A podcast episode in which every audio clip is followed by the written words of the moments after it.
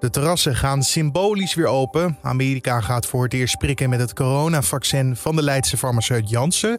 En de wereld kijkt met open mond naar het vaccinatietempo van het Verenigd Koninkrijk. Premier Johnson durft al voorzichtig over versoepelingen te praten, met de nadruk op voorzichtig. Want alles staat goed op scherp. Je kunt je voorstellen, als we net vertellen hoe goed het hier gaat met het vaccineren, hoe bang de Britse regering is dat zo'n nieuwe variant, zo'n nog agressievere variant, ineens allemaal roet in het eten gaat gooien. Ja, dan valt misschien het hele plan dat Boris Johnson natuurlijk heeft om hopelijk voor de zomer te versoepelen, kan zomaar in het water vallen. Tim de Wit, correspondent in het Verenigd Koninkrijk voor de NOS, Nieuwsuur en Trouw was dat. Met hem praten we straks verder over het enorme aantal vaccinaties en of dat al zijn vruchten afwerpt. Maar eerst kijken we kort naar het belangrijkste nieuws van nu. Mijn naam is Carne van der Brink en het is vandaag dinsdag 2 maart. Ruim 2,4 miljoen 70-plussers mogen de komende verkiezingen hun stem per post uitbrengen. Dat blijkt uit berekeningen van het CBS. In verband met het coronavirus mogen 70-plussers dit jaar hun stem per post uitbrengen. In totaal kunnen naar schatting 13,2 miljoen mensen hun stem uitbrengen tijdens de Tweede Kamerverkiezingen. Voor ruim 800.000 jongeren is het de eerste keer, omdat zij pas recent 18 jaar zijn geworden. Minister De Jonge vindt het moeilijk conclusies te verbinden aan de test met een voorstelling van Guido Weijers, omdat 20% van de bezoekers zich nog niet na afloop liet testen. En dat vindt De Jonge jammer, dat zei hij gisteravond na afloop van het Veiligheidsberaad. De conclusie dat er geen besmettingen hebben plaatsgevonden in het theater kunnen volgens de minister dan ook niet getrokken worden. Het is niet bekend waarom 1 op de 5 zich niet heeft laten testen. De organisatie achter dit testevenement liet wel weten tevreden te zijn met de opkomst bij de coronatest. De theatervoorstelling was de eerste show in maanden waarbij meer dan 30 toeschouwers in de zaal mochten zitten. De Internationale Paardensportfederatie zet voorlopig een streep door wedstrijden wegens de uitbraak van een dodelijk virus. Het gaat om de uitbraak van het rhinopneumonievirus. Dat begon ruim een week geleden op het internationale concours van Valencia. De organisatie spreekt van de heftigste uitbraak in tientallen jaren. Al zeker vier paarden die bij het concours in Spanje aanwezig waren, zijn overleden. Het virus zou zeer besmettelijk zijn en de klachten variëren van milde verkoudheidsklachten tot ernstige neurologische verschijnselen. Twitter voorziet misleidende berichten over coronavaccins voortaan van een waarschuwing. Gebruikers die misleidende tweets plaatsen worden bij herhaling tijdelijk geblokkeerd en na vijf keer permanent verbannen van het sociale netwerk. Het Amerikaanse bedrijf verwijderde al berichten die verkeerde of misleidende informatie over het virus bevatten, als die schade kunnen aanrichten. Van dit soort tweets zijn er inmiddels meer dan 8000 geschrapt. Al 20 miljoen mensen in het Verenigd Koninkrijk hebben hun coronavaccin gehad. Hun eerste dosis, dat dan wel, omdat de vaccins die toegediend worden twee prikken vereisen. Premier Johnson ontvouwde vorige week maandag een routekaart voor de komende maanden. In vier fases wil hij de strenge coronamaatregelen één voor één schrappen. Is er al reden voor? Dat vroeg ik aan Tim de Wit, correspondent in het Verenigd Koninkrijk voor de NOS, Nieuwsuur en Trouw. Want nu ze de 20 miljoen zijn gepasseerd, is er een jubelstemming? Nou, jubelstemming uh, ten dele. Want kijk, we zitten hier nog wel gewoon in een hele strenge lockdown. Dus uh, op straat komen is nog steeds alleen toegestaan als je daar een hele goede reden voor hebt. Uh, dus je merkt er niet zo vreselijk veel van. Maar het is natuurlijk wel heel erg fijn nieuws dat je ziet dat die Britten zo ontzettend snel op stoom zijn gekomen met het vaccineren, dat het nu echt in een rap tempo gaat. Het gaat echt om, om 300, 400.000 vaccinaties per dag. Ja, als het in dit tempo doorgaat, en ja, waarom zou dat niet kunnen? Sterker nog, er komen misschien natuurlijk nog wel andere vaccins bij die goed worden gekeurd, of die er dus toe kunnen worden gevoegd aan, uh, uh, aan het totaal. Ja, dan, dan is de hoop van de Britse regering dat in juli, eind juli, iedereen minimaal één vaccinatie heeft gekregen al. Dus dan heb je het over ruim 60 miljoen mensen. Ja, het werd echt gezien als een prestatie voor het land, hè? Ja, nee, zeker. Kijk, dat is natuurlijk wel zo. De Britse regering gaat hier ook echt mee aan de haal. Hè, om te laten zien van, moet je nou toch eens kijken wat wij toch allemaal voor elkaar hebben gekregen. En dan een beetje tussen de regels door natuurlijk ook wel een beetje wijzend naar eh, met name veel Europese landen, waar het allemaal veel langzamer gaat. Kijk, wat je natuurlijk kan zeggen over wat die Britten gedaan hebben, is dat ze uh, op een slimme manier gebruik hebben gemaakt van noodprocedures vorig jaar. Hè, want toen zaten de Britten uh, voor een groot deel maakten ze nog onderdeel uit van, van de Europese Unie. Officieel politiek niet meer, maar ze moesten zich nog wel aan heel veel regels houden van de Europese Unie. Waaronder de regels van het EMA, hè, van het Europese Medicijnagentschap. Maar de Britten hadden zoiets van: ja, wij gaan niet met al die andere landen optrekken als het op vaccineren aankomt. We gaan ons eigen weg, we gaan ons eigen plan trekken. En dat kon ook, want daar heb, die mogelijkheid heb je. Dat zou in Nederland ook kunnen doen, bij wijze van spreken. Alleen hebben alle 27 overige EU-landen toen besloten om gezamenlijk op te trekken. Ja, en die Britse alleingang, zeg maar, om het even in mooi Duits te zeggen, heeft zich echt uitbetaald. Verder is het gewoon een, echt een, een hele knappe logistieke operatie geweest. Er zijn soms dagen dat ze bijna een half miljoen vaccins uh, per dag zetten. Ja, dat is, dat, dan gaat het hard natuurlijk. Echt bizar inderdaad. Want uh, wat we wel moeten zeggen is natuurlijk van die 20 miljoen uh, zijn er maar 4% die uh, een tweede dosis zouden hebben gekregen.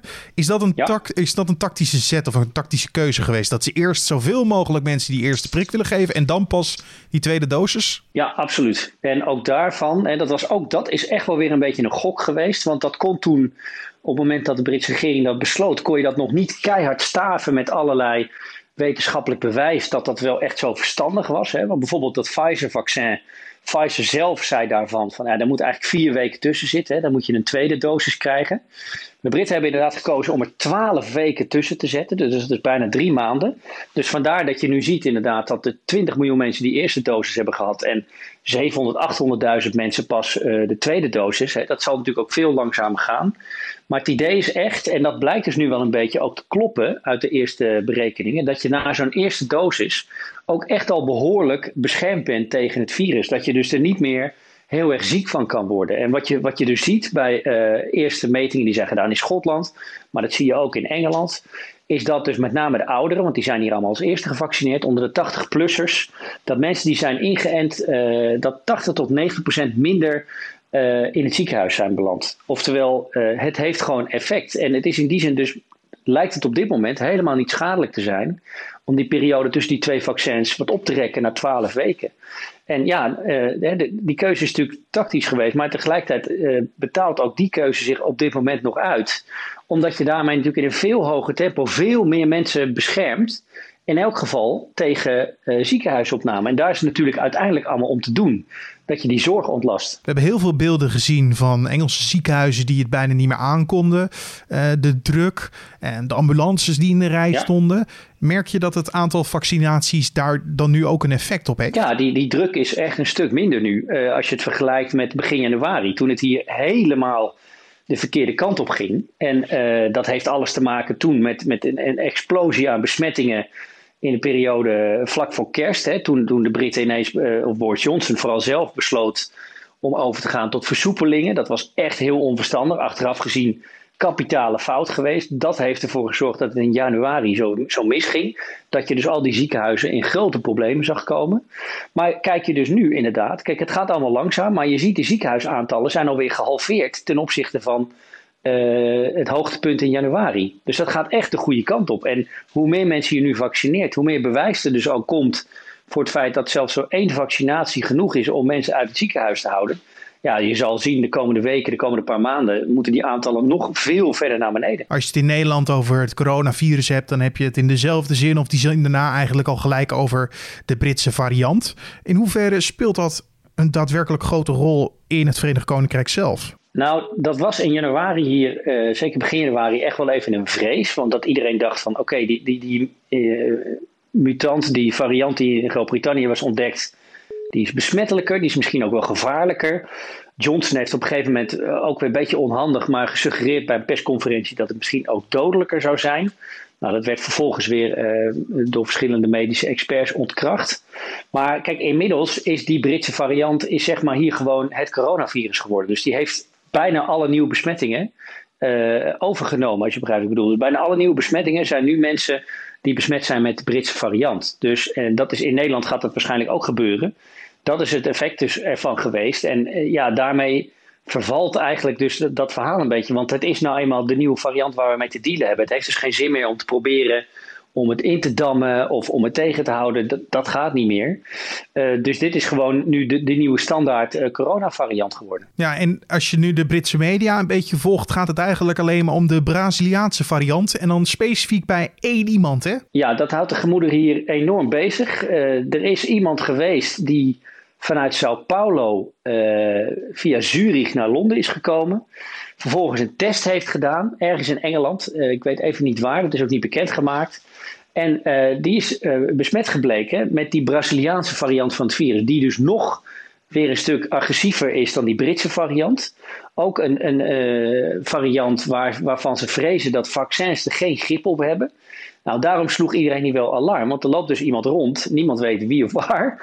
Uh, dat komt omdat diegene uh, zijn registratieformulier niet goed heeft ingevuld, dus niet, geen telefoonnummer heeft achtergelaten, geen adres heeft achtergelaten. Dus ja, het is ook natuurlijk een fout van de, de, Britse gezondheidsautoriteiten zelf geweest. Maar diegene is dus niet zomaar makkelijk te vinden. Ja, want nu staan ze erom bekend om de strenge maatregelen voor inkomende reizigers. Dat is nogal een verschil. Nou ja, wat blijkt, deze persoon is dus net voordat die strenge maatregelen ingingen. Hè, dan heb je het dus over, als je vanuit een risicoland zoals Brazilië naar Groot-Brittannië komt moet je 14 dagen verplicht in een hotel zitten. Dat moet je ook nog eens zelf betalen. Maar deze persoon is nog net voordat het inging, dat was op 15 februari, dat, die één of twee dagen ervoor het land binnengekomen. Dus die is er doorheen geglipt. Uh, eigenlijk dus door, uh, door, een, uh, door het net heen geglipt in die zin. En nog steeds onvindbaar. En het is echt wel zorgwekkend. Je ziet echt dat dus want bijvoorbeeld, eh, er zijn zes van deze Braziliaanse gevallen ontdekt hier in Groot-Brittannië. Allemaal mensen die op die vlucht zaten. Ehm, nou, de mensen die wel zijn, in kaart zijn gebracht, daar wordt de hele omgeving gewoon uitgekampt. Daar worden allemaal mensen nu getest of ze, of ze nou wel of geen klachten hebben. Om erachter te komen of die Braziliaanse variant zich verder heeft verspreid. Want je kunt je voorstellen, hè, als we net vertellen hoe goed het hier gaat met het vaccineren, hoe bang de Britse regering is dat zo'n nieuwe variant, zo'n nog agressievere variant, ineens allemaal roet in het eten gaat gooien. Als zo'n Braziliaanse variant in één keer uh, toch dusdanig veel grip te hebben op mensen die al gevaccineerd zijn. Ja, dan valt misschien het hele plan dat Boris Johnson natuurlijk heeft om hopelijk voor de zomer te versoepelen, kan zomaar in het water vallen. Dus er wordt echt met man en macht nu uh, gezocht naar de persoon X met die Braziliaanse variant. En ook natuurlijk vooral uh, er alles aan gedaan om de mensen die nu al ontdekt zijn, om te zorgen uh, dat die hele omgeving daar ook wordt getest. Zodat die Braziliaanse variant zich niet snel kan verspreiden. Want dat is echt een grote angst hier, ja. Ja, want je zei al, Boris Johnson, de premier, die sprak al voorzichtig over mogelijke versoepelingen. Hij had al een, een exitplan, een routekaart gepresenteerd. Alleen echt wel stap voor stap. Willen ze een fout uit het verleden voorkomen? Ja, absoluut. Want uh, je hebt inderdaad, wat ik net al even schetste, de periode voor kerst. Ja, dat kan Johnson zich niet nog een keer permitteren natuurlijk. Toen is het zo hopeloos, hopeloos misgegaan. Toen heeft Johnson zich toch laten leiden door de druk van mensen uh, die zeiden van onze economie trekt dit niet meer. We moeten de boel opengooien, met name de horeca. Anders gaan heel veel zaken gewoon failliet. Dus we hebben, ze, ze moeten gewoon weer geld kunnen verdienen. Nou, onder die druk heeft hij dat toen gedaan. Maar nu is wel gebleken dat dat, hoe omstandig dat is geweest. En Johnson heeft ook zelf al hardop gezegd: dit moet de laatste lockdown zijn. Het kan niet zo zijn dat straks over een aantal maanden blijkt hè, dat we gaan versoepelen, dat we toch weer terug uh, bij af zijn, omdat er om wat voor reden dan ook weer heel veel besmettingen opduiken. Dus het moet nu, als we gaan versoepelen, in één keer goed gaan. En dan maar liever wat trager, dan maar liever echt stapje voor stapje, maar dan wel zeker weten dat het, uh, dat het uiteindelijk niet meer uh, hoeft uh, teruggedraaid te worden. Want kijk, en daarin, dat is natuurlijk ook wat te begrijpen vanuit Johnson gezien. Alleen aan de andere kant, kijk, als je al ziet dat zoveel mensen gevaccineerd zijn, dat de ziekenhuisopnames enorm naar beneden gaan, dat het aantal besmettingen ook enorm naar beneden gaan. Ja, je voelt ondertussen natuurlijk ook wel in de samenleving heel veel mensen die zoiets hebben van, ja, waarom moeten we nog zo lang wachten? Want het is nu begin maart, um, maar de scholen gaan volgende week pas open. Vanaf eind maart mag je pas weer buiten met iemand anders afspreken. Mind you, hè, dingen die in Nederland nu allemaal al lang gebeuren. Zo streng is die lockdown dus ook hier. Van zover moeten die Britten komen. Van, of de Engelsen komen vooral, moet ik zeggen. Want uh, Schotland en Wales doen weer hun eigen ding. Um, maar uh, dat zorgt er dus voor dat het allemaal echt nog wel even gaat duren voordat je hier iets substantieels merkt van die versoepelingen. Het is de bedoeling dat half april de winkels open gaan, dan in mei uh, de pubs en de restaurants weer heel voorzichtig. Dus uh, ja, ook al hebben we echt nu een duidelijke stip op de horizon gekregen van Johnson, want hij hoopt ook echt dat in juni uh, het leven weer zo goed als normaal kan zijn. Dat de meeste, hè, tussen aanhalingstekens natuurlijk, want een aantal maatregelen zullen wel blijven. Maar dat eigenlijk het meeste, de meeste dingen weer moeten kunnen. Dus dat je weer naar voetbalstadions kan. Dat er misschien weer muziekfestivals in de open lucht kunnen, gehouden kunnen worden. Dat is natuurlijk een mooi streven. Maar ja, voordat we daar zijn, gaan er echt nog weken overheen voorlopig. Waar de Britten gewoon nog in hele strenge lockdown moeten blijven zitten. Dat was Tim de Wit, correspondent in het Verenigd Koninkrijk voor de NOS Nieuwsuur en Trouw. Dan de nieuwsagenda voor vandaag. Wat staat er verder te gebeuren op deze dinsdag? Na een oproep van lokale afdelingen van Koninklijke Horeca Nederland openen caféhouders en restauranteigenaren vandaag de terrassen.